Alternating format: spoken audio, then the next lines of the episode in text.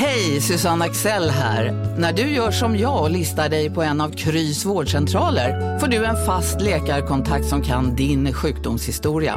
Du får träffa erfarna specialister, tillgång till lättakuten och så kan du chatta med vårdpersonalen.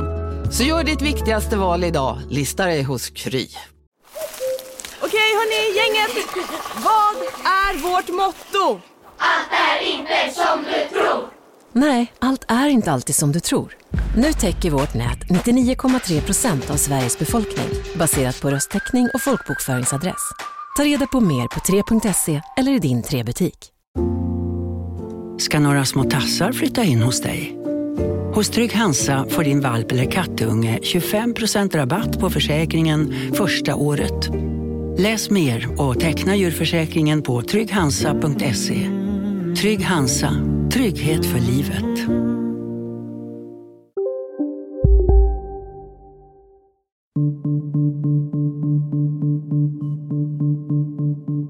Och när jag pratar om kriminalpolitiken nu för tiden så, så är det alltid två teman jag har. Det ena är just den organiserade kriminaliteten och det andra är mäns våld mot kvinnor. Och sexualbrotten är ju en del utav det. Den här ledningen för polisen har haft det svåraste uppdraget som någon rikspolischef har, eh, rikspolisledning har haft. Ja, om du, om du går hemifrån med ett skarpladdat vapen, då är risken stor att du inte kommer hem igen på två år. Vi kan inte låta barn växa upp i kriminella familjer och skolas in i brottslighet på det här sättet. Då måste socialtjänsten ingripa mycket, mycket tidigare. Morgan Johansson är, trots att han bara är 47 år, en av regeringens mest erfarna politiker. Det är bara han, Margot Wallström och Ibrahim Baylan som varit minister tidigare. Och följaktligen styr han över ett av de tyngsta områdena, rättsfrågorna och polisen. Men i en tid där många kurvor pekar åt fel håll, där antalet gängskjutningar och våldtäkter stadigt ökar samtidigt som polisen lyckas allt sämre med att lösa just sådana brott, har han tillräckligt drastiska idéer för att vända en utveckling som många upplever som djupt oroande? Morgan Johansson, välkommen till fredagsintervjun. Tack ska du ha. Idag presenterade Brottsförebyggande rådet en del i den nationella trygghetsundersökningen som handlar om otrygghet och förtroende för rättsväsendet. Och den visar att otryggheten är kvar på förra årets ganska höga nivå. Oron för brottsligheten ökar och att förtroendet för rättsväsendet sjunker. Vilken är din reflektion kring det där? Ja, att det är nog en ganska rättvisande bild av utvecklingen som den har varit. Nu ska man ju komma ihåg att de frågorna kring rättsväsendet de är ju ställda före den 7 april, alltså terrordådet. Och det är klart, hade du ställt frågan kring förtroende för polisväsendet just veckorna efter terrordådet kanske du hade fått an, ett annat resultat. Men det spelar egentligen ingen större roll därför att jag tror att när, när allmänheten läser om gängkriminalitet, organiserad brottslighet, svårighet för polisen att klara upp brott, eh, då är det klart att då då, då, får det effekt på det förtroendet man har för totalt sett. Man kan ju också tänka sig att just det här som har med otrygghet att göra lika väl skulle kunna ha ökat efter den 7 april. Tror du inte det? Ja, men jag, när vi ställde frågan kring rättsväsendet och polisförtroende, så att säga, det, var den, det var det som jag menade. På. Jag förstår. Dess, dessutom så, så är det ju så att terrorhotet har vi ju levt med under ett antal år, så att säga. Va? Så jag tror att de flesta svenskar är nog vet nog om eller känner att det här är någonting som myndigheterna jobbar så mycket man kan med men man kan ju aldrig någonsin garantera att det inte händer i Sverige. Så att säga. Men för, för oss så handlar det ju om att, att ehm, eh, se till att de stora resursförstärkningar vi nu gör på polisen och ett större antal poliser som också ska gå ut från våra utbildningar och våra straffskärpningar, att de leder till effekter så att vi kan vända den här utvecklingen. Finns det andra saker man, man skulle kunna göra för att öka allmänhetens förtroende för rättsväsendet igen? Det handlar ju såväl om poliser som domstolar och åklagare. Ja, jag tror det handlar i stor utsträckning om lagföringen, alltså att, att man, man eh, visar att man klarar upp fler, fler brott. Nu är det ju så att ser man på helårsstatistiken från polisredovisningen så Förra året så ökade ju då antalet ärenden som man redovisat till åklagare, alltså ärenden som man utre, har utrett färdigt och visat till åklagarna för första gången sedan 2009. En ökning med lite drygt 3 procent. Och det var naturligtvis ett steg i, i rätt riktning så att säga. Va? Vi ska komma in på det lite men, senare. Ja, men, men samtidigt så gäller det att se till att man att man eh, fortsätter eh, att man använder de här nya verktygen som man nu får med strafflagstiftning och vapenlagstiftning och så. Att man använder det fullt ut. och att man också fortsätter sin satsning på kameraövervakning på de särskilt brottsutsatta platserna. En sak som du nämnde här lite grann som går i linje med en del historier som jag har tagit del av både privat men kanske framförallt via medierna senast i SVTs Agenda i söndags. Personer som blir utsatta för brott och där det finns ganska goda förutsättningar också, i alla fall ytligt sett, för att lösa det hela. De får då beskedet att deras ärende har lagts ner. Ehm, vad tror du det gör med människors förtroende? Ja, det är, det är ju klart att ehm, man måste känna som medborgare att man blir tagen på allvar av, av myndigheterna. Och eh, gäller det allvarliga brott som våldsbrott eller inbrott i sin bostad och så, då måste man, måste man verkligen känna att man, man dels får berätta och dels vad man har varit med om och dels också att man känner att här gör polisen en ordentlig utredning. Kommer ut på brottsplatsen till exempel och, och eh, eh ser och letar efter spår och fingeravtryck och annat när det gäller inbrott. Och när det gäller misshandel om det finns någon eh, uppfattning om vem det här kan vara. Att, man då, att polisen då också följer upp de, de spåren. Så det är, ju, det är ju polisens huvuduppgift, det är att klara upp de brotten så att vi kan känna oss trygga. Oron för brottsligheten eh, har ju också ökat då. Ehm, hur mycket tror du att det handlar om en faktisk negativ brottsutveckling och hur mycket tror du att det handlar om en oro som delvis pumpas upp både i sociala medier och i andra medier? Jag tror det är en kombination av, av båda. Jag tror inte vi kommer inte Eh, undan av att vi har en ökning när det gäller en del brottstyper. Det finns ju brottstyper som går, går ner också ska jag säga, men en del brottstyper ökar. Eh, och det handlar framförallt om, om eh, gängkriminalitet och allt som är knutet till det, skjutningarna. Det dödliga våldet ligger ju kvar på en ungefärlig nivå, lite drygt 100 per år. Där har det legat under väldigt lång tid. Men andelen av, av av de som omkom, som dör så att säga av, av skjutningar har ju då ökat eh, rätt, rätt rejält. Så eh, en kombination av att vi ser en ökning i vissa kategorier och också att det här speglas mer i media så att säga. Det, det, det, är en förklaring till, till att vi ser det. En grupp som är särskilt orolig är ju kvinnor. Eh, och kanske har visst fog för det, jag vet inte. Bland unga kvinnor mellan 16 och 24 är det mer än var tredje som känner sig så orolig att hon drar sig för att vistas utomhus sena kvällar. Mm. Är det en befogad oro, tycker du? Jag skulle nog eh, vilja säga att det här mönstret har vi ju nog sett eh, i alla tider. Att man drar sig, att framförallt kvinnor drar sig för, för, för detta. Och att det är ju då, tror jag, har Eh, Eh, ökat till följd av att man läser mer om, de, om sexuella övergrepp. Och också eh, om man har upplevt någonting. Men det är också en del av bilden här att fler säger att de har blivit utsatta för olika typer av, av, av övergrepp. Och om, om både bilden som man läser i, i media och i övrigt plus en egen erfarenhet eh, talar samma språk så att säga, då, då ökar ju oron to, totalt sett. Nu har vi pratat om stigande kurvor vad gäller otrygghet och misstro mot rättsväsendet. Om vi ska gå över till andra kurvor då som möjligen ligger bakom det här, det vill säga själva brottsligheten. Eh, om vi tar ett av de områden där kurvan pekar brant uppåt så är det sexualbrott. Andelen som uppger att de har utsatts för något sexualbrott under det gångna året har mer än trefaldigats på tio år. Vad finns det för förklaringar till det här? Det kan nog dels vara en, en ökad eh, vaksamhet och en ökad anmälningsbenägenhet. Så att säga att man diskuterar frågorna mer. Men jag tror faktiskt också att det är en, det är en faktisk eh, ökning. Och det är just därför som vi måste se till att, att de här eh, brotten utreds i, i grunden och se till att vi klarar upp fler, fler brott. Och eh, också att vi måste skärpa lagstiftningen. Bara sedan förra året, som redan det då var ett rekordår, så har ökningen av personer som uppger att de har utsatts för sexualbrott, den är över 40 procent. Alltså bara jämfört med förra året då antalet uppskattade brottshändelser har ökat med 35 procent. Hur oroad är du? Ja, det här är ett stort samhällsproblem. Ett av de eh, allra största skulle jag vilja säga. Men, mäns våld mot mot kvinnor är ett av våra allra största samhällsproblem. Och när jag pratar om kriminalpolitiken nu för tiden så, så är det alltid två teman jag har. Det ena är just den organiserade kriminaliteten och det andra är mäns våld mot kvinnor. Och sexualbrotten är ju en del av det. Vi presenterade precis eh, före eh, jul en, eh, det som jag betraktar som den, den viktigaste straffrättsliga reformen som vi nu går fram med. Det vill säga reformeringen utav sexualbrottslagstiftningen. Det innehåller en samtyckesreglering, att vi går över till en, till en frivillighetsbaserad våldtäktsparagraf som det inte har varit innan. Man har haft våld och hot och tvång eh, tidigare som grundläggande rekvisit. Vi skärper straffen för de grova våldtäkterna, också minimistraffet från 4 till 5 år. Eh, vi går in med tidigare stöd eh, eh, via målsägandebiträden redan när du anmäler själva brottet och vi skärper också Eh, synen när det gäller en del övergrepp, när det gäller övergrepp mot barn. Så att det här är ett paket som det har tagit väldigt lång tid att ta fram och varit väldigt omstritt ska jag säga och fortfarande är det.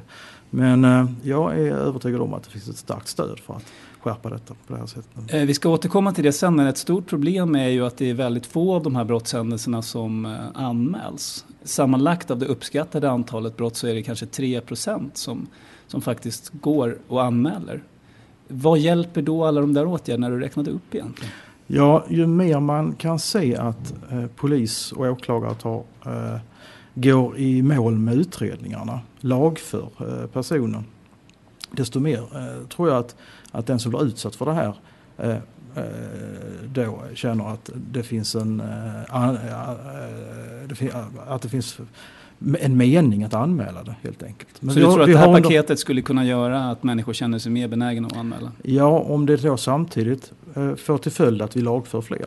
Vi har under många, många år eh, haft en situation där vi har över 6 000 anmälda våldtäkter per, per år med bara några hundra fällande domar. Och det är klart att, att det har varit eh, grunden för mycket av den kritik som har riktats både mot lagstiftning och polisens en, en fråga som många ställer sig när de ser de här enormt stora siffrorna får man ändå säga att det är eh, att det kanske är små saker. Men enligt NTU då så är nästan var tredje av de här sexualbrotten som uppges ha begåtts 2016 av så pass allvarlig art att det kan röra sig om försök till eller fullbordat sexuellt tvång eller våldtäkt. Så det är ju rätt så, så stort antal. Och var sjunde kvinna alltså mellan 16 och 24 utsattes för ett sexualbrott under 2016. Mm. Är unga kvinnor säkra i Sverige idag? Vi, det finns ju som sagt alltid ett mörkertal och det mörkertalet har vi ju alltid haft. Om du går tillbaka till 40, 50, 60-talen där eh, så, så var det, skulle jag vilja säga, eh, så var stigmatiseringen och tröskeln för att, eh, för att anmäla sådana här brott eller att ens tala om det var så hög så att det är, känns väldigt, man kan knappt jämföra så att säga statistikmaterial. Om man jämför med modernt, de senaste kanske tio åren så är den här ökningen verkligen markant. Ja, och det är precis därför vi möter det med ökade resurser till, till polisen, stärkt lagstiftning, men sen då också en eh, särskilda uppdrag både till Brottsförebyggande rådet och polisen själv att eh, se hur man jobbar med de här eh, mm. ärendena. Så att det är viktigt att vi då också ser till att att våra myndigheter Men har vi, har vi liksom rätt bild av problemet? För det, ofta har det hetat att den osäkraste platsen för en kvinna är hemmet. Eh, underförstått då att det är den eh, äkta mannen eller pojkvännen, sambon som är den vanligaste gärningsmannen. Men enligt NTU, återigen, två av tre sexualbrott, där uppges gärningsmannen vara helt okänd. Mm. Och det beror på vad det är för typ av eh, Säkert är det då en överrepresentation av ganska lindriga sexualbrott i den kategorin. till exempel. Mm. men likväl alltså? Ja men båda bilderna är ju, är ju faktiskt sanna så att säga. Du har situationer där Eh, där eh, det är en, en känd gärningsman, den som du så att säga lever tillsammans med. 10 procent ungefär. Ja, och sen så har du också den situationen där du har, har helt eh, okända gärningsmän. Och det där är, är väl då viktigt att man ser till att man att man eh, tar båda anmälningarna på, på allvar. Jo men de åtgärder som du här beskrev, som det är ju onekligen ett, ett ganska ambitiöst paket. Men är det rätt medicin för hur problemet ser ut? Mm. Men du pekade bland annat just på, på att en del av de, de övergrepp som ju ligger i våldtäkt eller våldtäktsförsök. Du pekade ju just på att det fanns en uppgång där. Mm. Och det är ju precis därför som vi nu ändrar eh, i lagstiftningen kring våldtäktsregelverket. Mm. Och det ska säga, det där har suttit väldigt långt inne. Eh,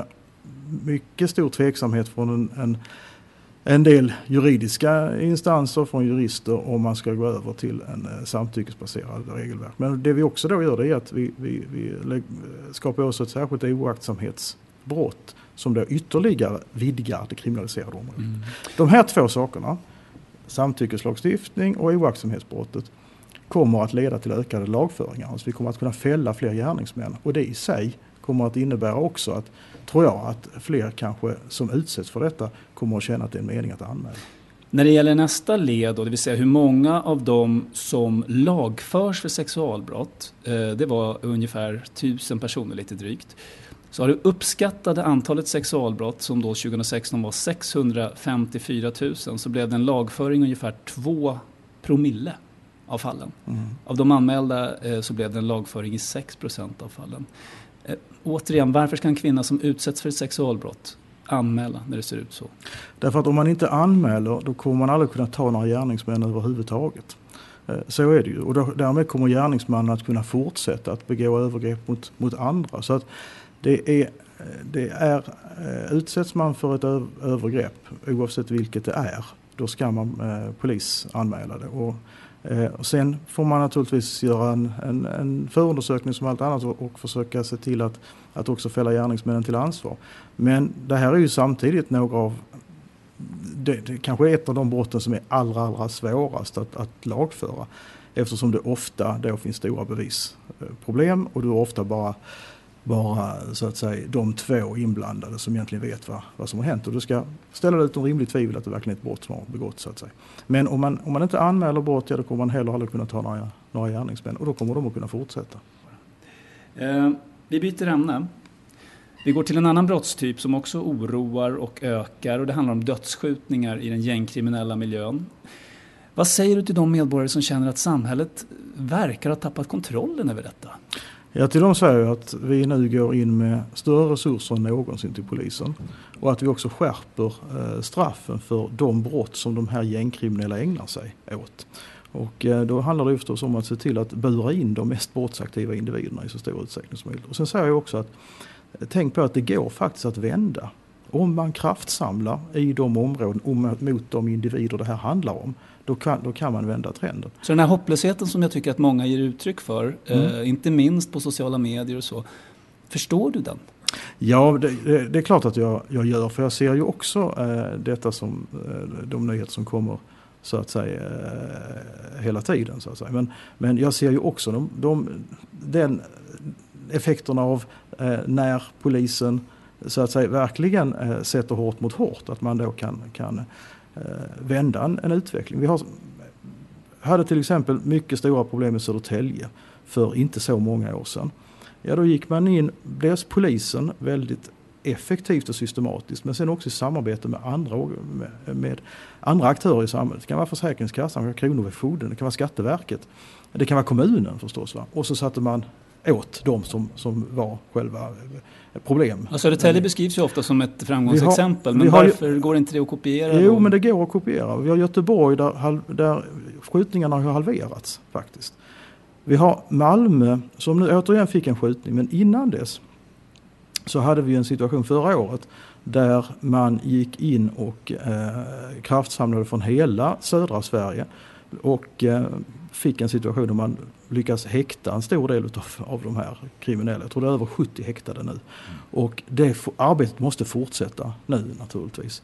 Och jag ser också just i Malmö där är bara en sån sak där man går från ett, ett område, en, en gata som heter Norra Grängesbergsgatan där man har haft ett, som har varit tillhåll för olika former av kriminalitet. Det har varit narkotikahandel, det har varit i, eh, illegal arbetskraft, det har varit prostitution, det har varit så att de som inte har tillstånd att vara i Sverige har bott där och så vidare, illegala bosättningar. Så där går man nu från adress till adress, kommunen tillsammans med polisen. Och kan man inte ta dem på det ena, eh, Eh, narkotikaförsäljning till exempel, ja då kan man ta, ofta ta det på någonting annat. Att de inte betalat rätt skatter. Att eh, de kanske serverar mat utan att ha tillstånd för det. Ja då är det kommunens miljö och hälsoskyddsmyndighet. Lex Al Capone. Ja, ja det, det, och det är förresten eh, om du, om du talar om det här att gå på pengarna. Ja. Ja, så är det förresten en, en annan sak som vi införde förra året. Det vill säga vi utvidgade möjligheterna att beslagta brottsvinster. Det kan vara guldklockor, det kan vara bilar, det kan vara vara kontanter som de inte kan redogöra för. Så systemet eh, så att säga musklar upp sig men ändå. Förra mm. året sköts 42 personer ihjäl i alla fall per den, eh, vad det nu var, 21 december. Det kanske var någon ytterligare där mellan jul och nyår. 135 personer skadades i totalt mer än 300 skjutningar som skedde då förra året i Sverige. Mer än dubbelt så många som för bara fem år sedan. Har, vilken är din analys bakom vad detta beror på? Det är eh, konflikter mellan olika gäng. Och eh, förstås också en ökad vapentillgång. Det är de två eh, delarna. Och vad görs då? För jag tänker de här vapnen Ja. som verkar så lätta att komma över. Vad görs i den änden? Vi hade flera olika saker. Dels från 1 januari så skärpte vi ju straffen för de grova vapenbrotten. Mm. Och eh, det, det innebär inte bara att om du anträffas med ett vapen på stan att du då får ett längre fängelsestraff, minimistraffet är två år nu. Utan att du också får häktningspresumtion. Det vill säga du släpps inte ut igen i väntan på rättegång. Så du kan bli sittande väldigt länge? Ja, om du, om du går hemifrån med ett skarpladdat vapen då är risken stor att du inte kommer hem igen på två år. Men om det här är människor som, som svävar mellan, alltså riskerar livet varenda dag de går ut, bryr de sig om det där? De, de verkar ju sakna respekt för andras och egna liv. Dels, så- ja det gör de ju, men för allmänheten och också för polisen så hade, var det ju en helt otillfredsställande situation tidigare. Där man tog dem på gatan och sen fick släppa dem kanske bara några timmar eh, senare. Det är helt orimligt och, Många- det, och den kommer vi till rätta med nu. Men sen är det också så att när du får undan dem från gatan då begår de inte brott när de sitter i häkt, på häktet i alla fall. Och så en Big Mac har miljarder fans över hela världen. Under mer än 50 år har den skapat popkulturell historia. En legend med 100% nötkött och den mytomspunna såsen. Nu finns Big Mac för bara 39 kronor på McDonalds. Hej Sverige! Apoteket finns här för dig och alla du tycker om. Nu hittar du extra bra pris på massor av produkter hos oss. Allt för att du ska må bra. Välkommen till oss på Apoteket. Hej, Synoptik här. Livet med glasögon ska vara bekymmersfritt. Därför får du 30% på alla glasögon när du väljer Synoptik All Inclusive. All service ingår alltid. Välkommen till Synoptik. annan sak också, om, om vi tar det vidare när vi ser det i ett lite större perspektiv så är det viktigt att få bort de mest brottsaktiva individerna från gatorna också därför att ur, ur brottsförebyggande synpunkt. De är dåliga förebilder. Ja, så länge de ligger kvar eh, och finns där i, miljön så att säga så funkar de som, som förebilder för unga killar på väg in i kriminalitet. Och dessutom eh, så saboterar de andra förebyggande insatser som man skulle behöva göra så att säga. Så att ska du komma till rätta med den här typen av gängkriminalitet då är det två saker. Det ena är bekämpa de eh, brotten, få bort de mest brottsaktiva individerna från gatan å ena sidan med polisiära insatser.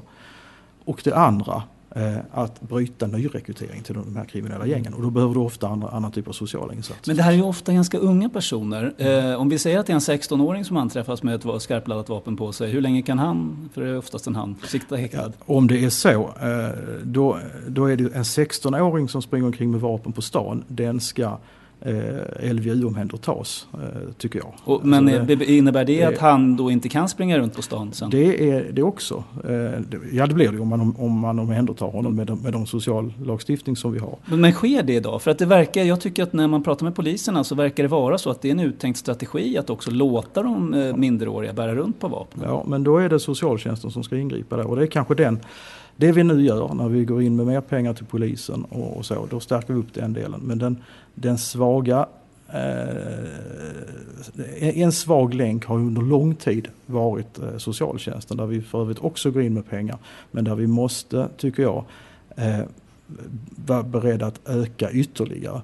Och jag, eh, jag tycker och där handlar det om att gripa in i, i tid. Därför att den här 16-åringen du pratar om, han har en gång varit åtta eller nio eller tio år.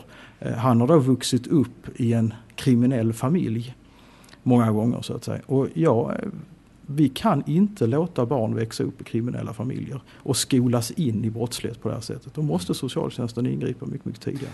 I höstas kom en rapport från tre forskare i Sverige som visar att vi har mycket större problem med skottlossningar än andra jämförbara länder. Eh, Danmark möjligen undantaget, men det är fyra gånger fler dödsskjutningar per capita jämfört med Tyskland och sex gånger fler jämfört med Norge. Eh, vad har du gjort för analys av det där? Vad gör de som inte vi gör? Eller vad gör vi som inte de gör?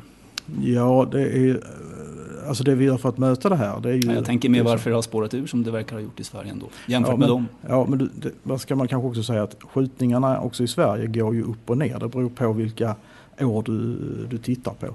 Men eh, vi har haft under en 20 års tid en väldigt eh, allvarlig utveckling med organiserad kriminalitet som har, har eh, bitit sig fast.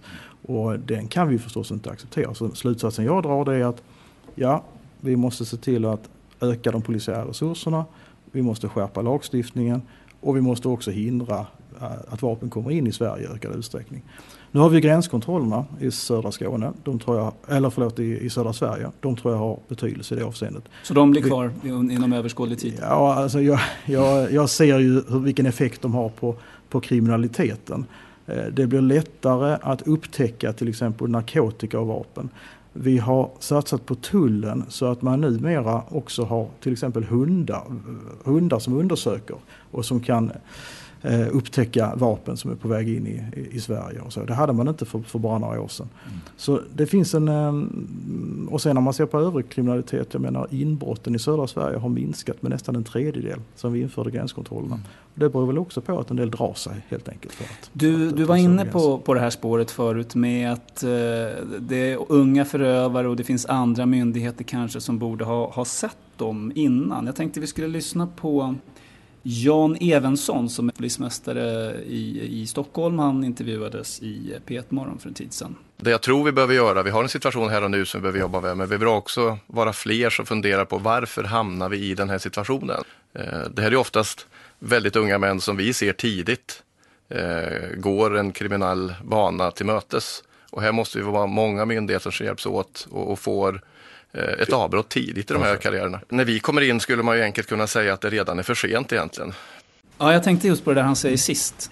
Det är för sent egentligen när polisen kommer in. Alltså, och du var inne på att socialtjänsten har varit den svaga länken. Från mitt lekmannaperspektiv, är det inte här man måste muskla upp något enormt? Båda delar. Och vi har haft en, för det första ska jag säga att det, är, det behöver inte vara för sent även om man kommer in där. Vi, för därför att om man väl dömer folk för de brotten och de hamnar i, i en fängelsemiljö, då kan man ju jobba med dem helt enkelt. Och en, en sak som är faktiskt är, är positiv kan man säga, det är att återfall i brott minskar över tid. Om du ser tillbaka de senaste tio åren så ser du en, en, en, en, en minskning i den delen. Och det talar för att vi faktiskt eh, bedriver ett, ett allt bättre arbete när det gäller kriminalvården. Så den vill jag, reservationen vill jag ha. Men annars är det, är det ju helt rätt det han säger. Här finns ju någon slags politisk diskussion då också. Va? Att högern har i alla tider, alltid nästan pratat om straff och poliser. Medan vänstern i alla tider har pratat om att förebygga och att eh, eh, satsa på sociala insatser. Eh, jag säger ju att båda delarna behövs. Och det är därför nu vi, vi nu stärker upp när det gäller polisdelen men också, på den här andra, eh, men också när det gäller sociala insatserna. Jag, eh, det, eh, det han ger uttryck för här det är ju det jag möter när jag pratar med poliser på fältet. Polis på fältet säger ofta precis så här. Ja, vi behöver bli fler, säger de. Ja, vi behöver ha mer verktyg. Men så säger de också, men tänk på att det handlar inte bara om oss. Mm. Det handlar också om att skolan måste fungera. Att det måste finnas en stark socialtjänst som vi kan samarbeta med att det ska, behöva, att det ska finnas en bra fritidsverksamhet och fritidsledare som kan fungera som goda förebilder mm. för de här killarna som kanske är på väg att hamna på snett och så vidare. Och allt det där är det väl ändå lite brist på? Både ja. socialsekreterare och goda förebilder på fritidsgårdarna? Ja, och det är det som, som vi eh, måste stärka upp så att säga, tycker mm. jag också. Sen, sen ska man säga också, sen finns det ju en bredare bild också, nämligen de här killarna måste ju också få en, eh, en, en, en framtidstro, en, en, en, tro på att, att det går att ta sig ur detta, att det finns en annan eh, eh, framtid för dem så att säga. Mm. Så jag brukar ibland säga att det kanske är en av de, våra viktigaste brottsförebyggande insatser vi har gjort under den här mandatperioden. Det är ju att vi har fått ner ungdomsarbetslösheten mm. så som vi har gjort. Och att vi når upp till det vi kallar för 90 dagars garanti. Att alla ungdomar faktiskt kan få ett jobb eller utbildning eller praktik inom tre månader. Det är långsiktigt sett en otroligt viktig förebyggande insats. Vi, eh, vi kan väl prata lite om ledningen för polisen också. Eh, när du var med i Studio 1 i Sveriges Radio i september eh, så sa du att du hade begärt en återrapportering från rikspolischefen om hur de jobbar med de här brottstyperna som vi har pratat om nu. Gängskjutningar och sexualbrott. Jag tänkte vi kan lyssna på eh, hur det lät när du var med i Studio 1. Rikspolischefen och polisen har ett återrapporteringskrav till eh, uppdrag till regeringen som bland annat rör sexualbrotten men också när det gäller de grova våldsbrotten. Och en första sånt kommer jag, resultat av det kommer jag få den 10 oktober när det gäller frågan hur de, hur de eh, jobbar med de grova våldsbrotten. och sexualbrotten lite senare.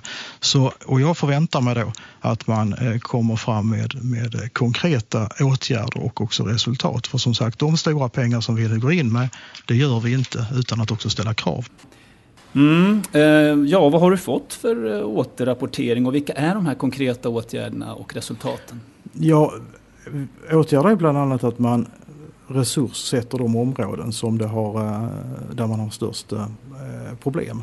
Och resultaten? Till exempel, ja, att man till exempel har 70, över 70 häktade i, i Malmö. Mm. Så du är nöjd med den här återrapporteringen som ja, du har fått från rikspolischefen? Ja, så här fungerar det. Att regeringen ger ju uppdrag i bland annat regleringsbrev och ibland särskilda uppdrag till våra myndigheter och sen så rapporterar de tillbaka till hur de jobbar. Men, eh, och det är ett sätt för oss att visa vad det är vi prioriterar. Så att det här att hela tiden Eh, ha, följa hur, vilka resurser sätter polisen av i de områden som vi, vi pratar om. Det gör jag varje månad faktiskt när jag får in polisens mm. statistik. Så ehm, eh, när man hade bekymmer, när man hade de eh, många skjutningarna i Malmö vid, förra året vid den här tiden. Ja då gjorde man precis en sån kraftsamling och fick då en, en effekt när det gällde antalet häktade. Jag vill stoppa det där bara, för många anser nog, och, och, vissa har ju också uttryckt det, att ni i regeringen har haft ett obegripligt stort tålamod med rikspolischefen. Eh, varför tror ni fortfarande att han är rätt person att vända utvecklingen? Ja, men det här är en av våra allra mest erfarna generaldirektörer. Ska jag säga. Och det, var inte, det var inte den här regeringen som gjorde Dan Eliasson till generaldirektör. Utan det var den förra regeringen som dels utsåg honom till generaldirektör för Migrationsverket och sen till Försäkringskassan. Ja, det är väl ingen garanti för att nej, men, han är bra nej, nej, men jag säger att han är en av våra mest mm. erfarna generaldirektörer. Jo, sen så tog det inte särskilt lång stund att innan, när vi utsåg honom till rikspolischef så, kom de, så fick de borgerliga då eh, för sig att vara att kritisera detta och har ju hållit på med detta nu under, under några års tid.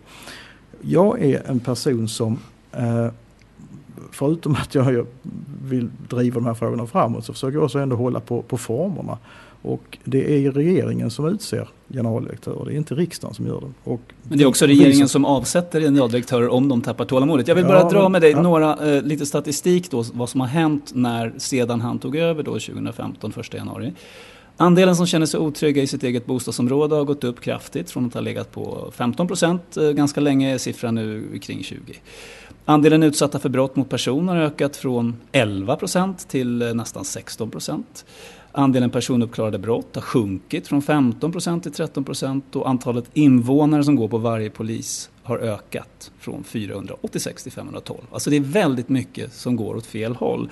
Eh, varför mot den bakgrunden Tycker du att högsta ledningen för polisen gör så mycket rätt att de förtjänar fortsatt förtroende? Man ska också ha klart för sig att den här ledningen för polisen har haft det svåraste uppdraget som någon rikspolischef har, eh, rikspolisledning har haft.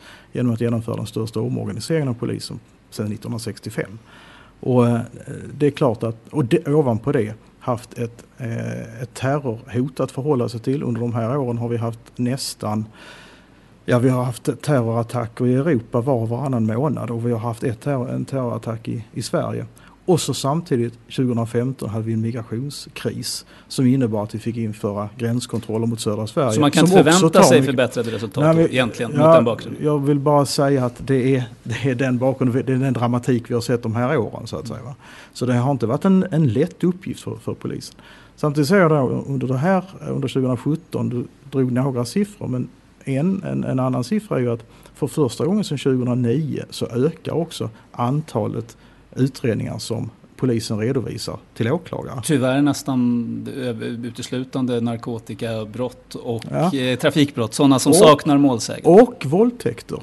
Ja, där man, har det man, gör fler, man gör fler utredningar om våldtäkter 2017 med, än tidigare. Jag tror det var en ökning med, med, med 10 procent. Jo, men det beror ju på att de har ökat så mycket också. Alltså andelen är fortfarande inte stigande. Ja, men antalet utredningar som man gör. Ja. Och det är ju det som är måttet så att säga på effektiviteten. Jo, fast polisen, polisen har ju också att förebygga brott. Jag menar mm. om, om andelen fortfarande är lägre än vad den var året innan så är det kan väl inte beskrivas som en framgång. Ja, men äh, antalet som man, man utreder, mm. det är ju ändå det som är måttet på liksom effektiviteten i det. Sen har du fått fler anmälningar, mm. men det är ju inte, det är så att säga, man kan inte lägga skulden för, på polisen för att man har fått fler anmälningar. Nej, det brottsförebyggande arbetet möjligtvis har väl inte fungerat optimalt? Ja, nej, men ja, jag tror det är helt andra faktorer i och för sig i, i, i den delen.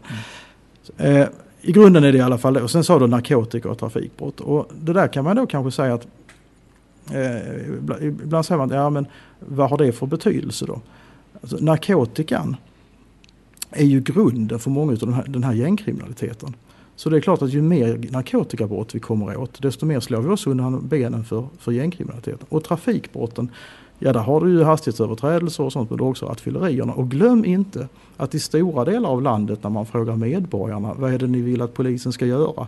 Då kan faktiskt en sån sak som trafikbrott eh, komma ganska högt upp på medborgarnas lista. Så, att, så att bilden är lite mer eh, nyanserad skulle ja, jag säga. Förstår. Eh, avslutningsvis då, eh, när det gäller båda de här brottstyperna som jag pratat mest om, sexualbrott och gängskjutningar, så finns det väl nästan en slags elefant i rummet som vi länge inte pratade om.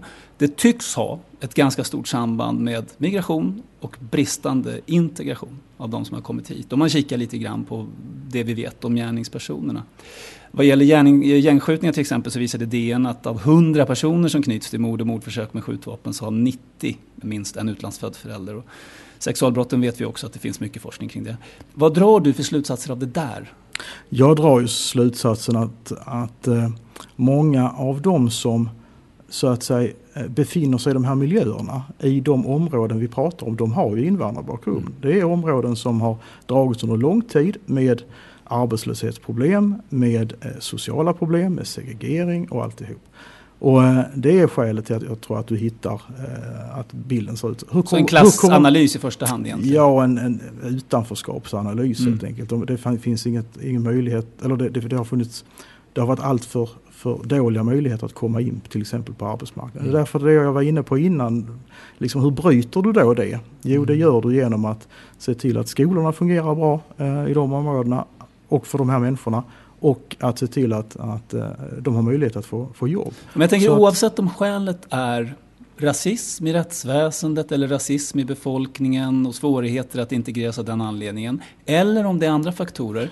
Ja. Så, så är det väl ändå så att säga, besvärande att migrationen leder till, för allt för många som kommer hit, till de här följderna. Ja, om du inte kan se till att de som kommer hit har bra förutsättningar. Mm. Då får du precis den här, den här situationen. Men det är ju därför som det är så viktigt att se till att de, att de får jobb. Men har vi, vi har vi lyckats med det? Alltså det är det jag är ute efter lite. Ja. Även om vi har de, de, bästa intentioner. Om man tittar på resultatet utifrån på det här sättet. Ja, men, men då, är det, då, är, då ska du sätta det här i ett sammanhang av att vi under väldigt lång tid ända fram till 1990 hade i, i det närmaste full sysselsättning mm. hos, i, i, Sverige med undantag av några år på 70-talet. Mm. Och det är klart alla som kom under den tiden, de fick, de fick jobb direkt. Men från 1990 och framåt så har vi haft eh, besvär med arbetslöshet. Mm. Och visserligen gick det ner i slutet av, av 2000-talet, vi halverade det ner till 4% men du har ändå det är ändå en, en, en väldigt så att säga, viktig faktor. Det visar att så, det går menar du, så att säga, om man gör rätt? Att det går att, min övertygelse är nämligen den mm. eh, att eh, vi kan leva tillsammans i Sverige oavsett vilka etniska bakgrund vi har så att säga. Va? Vi kan leva tillsammans. Eh, men det gäller att se till att vi, har, vi skapar bra förutsättningar för, för oss alla, de sociala delarna. Eh, segregeringen beror ju utöver arbetslösheten, eh, när det gäller arbetslöshet, eh, så beror den också på att vi under väldigt lång tid hade en, en väldigt sned fördelning av vem som, eh, var man kom någonstans helt enkelt. När man så är det väl fortfarande? Ja men du kommer ihåg hela den här diskussionen vi hade att vissa kommuner inte ville ta emot någonting. Jag mm. menar jag är från Skåne.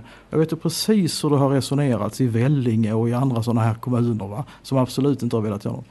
Det vi gjorde 2015 när vi gjorde upp med de borgerliga migrationsöverenskommelsen. När vi sa att alla kommuner faktiskt bär ett gemensamt ansvar. Det tror jag kommer ha stor betydelse på, på lite längre sikt när man faktiskt ser till att man kan komma till kommuner där man kanske har bättre förutsättningar så att inte alla som det har varit tidigare flyttat eller hamnar i Rosengård eller på Lindängen. Men du är inte rädd att det blir tvärtom? Att det vi ser i Rosengård och Botkyrka, att det riskerar att eh, dyka upp på, på mindre orter av samma skäl som det en gång dök upp där? Nej, faktiskt inte. För jag tror du kommer få bättre förutsättningar när du bor i en miljö där du kan få eh, bättre stöd och hjälp att komma in i det, i det svenska samhället. Eh, dessutom, där, du, där barnen går i skola ihop med andra eh, svenska ungdomar, eh, så att säga, eh, tror jag har mycket, mycket stor betydelse för att, för att integrera. Så Till, till sist bara, eh, nyligen gav regeringen Brå i uppdrag att undersöka vad som ligger bakom den stora ökningen av just sexualbrott. Men om de ska ta med den här eldfängda frågeställningen om sexualförbrytares härkomst, det lämnade ni då till myndigheten att avgöra. Eh, varför? Ja, nej, men jag tycker att man ska inte styra forskningen på det sättet. Men det är en sån Utan vi- politisk fråga. Till och med när jag har Ja. försökt intervjua Brås om det här så säger de att det, vill, det kan vi inte prata om för det är en sån politisk fråga. Och då blir det Alltså- att ni lämnar en väldigt politisk fråga till tjänstemän. Ja, men, men, eh, ja, men eh, som sagt, ja, vi ger ett öppet uppdrag och säger här ser vi en utveckling, vad beror detta på? Och då eh, vill inte jag som politiker gå in och, styra eh, den, eh, den delen. Sen vill jag säga att sen drivs det ju från en del politiskt håll. Sverigedemokraterna var ju först va? F- Och, och deras och Moderaterna har hakat på. Och de har egentligen, deras enda skäl att, att driva detta det är ju att från Sverigedemokraternas sida, det är ju att så den här misstron mellan svenskar och invandrare. Och det är, det är egentligen väldigt, väldigt destruktivt. Jo, men om Brå då tar reda på hur det ligger till, riskerar det att så större misstro eller snarare eh, avliva ett antal myter? Nej, som sagt, vi, jag har lämnat ett öppet uppdrag till, till Brå. De, får, de är vår expertmyndighet när det gäller eh, utvecklingen här och det tycker jag är, är så man ska hantera forskningsfrågor från regeringen. Säger Morgan Johansson, justitie och inrikesminister. Stort tack för att du kom till fredagsintervjun. Eh, nästa vecka hör ni Moderaternas partiledare Ulf Kristersson här i fredagsintervjun. Den släpps nästa fredag för er som följer Kvartal på sociala medier klockan 13.00 som vanligt. Och har ni synpunkter, åsikter, tankar om det ni hör i intervjun, gå in på Kvartals Facebook-sida eller på Twitter och kommentera och diskutera.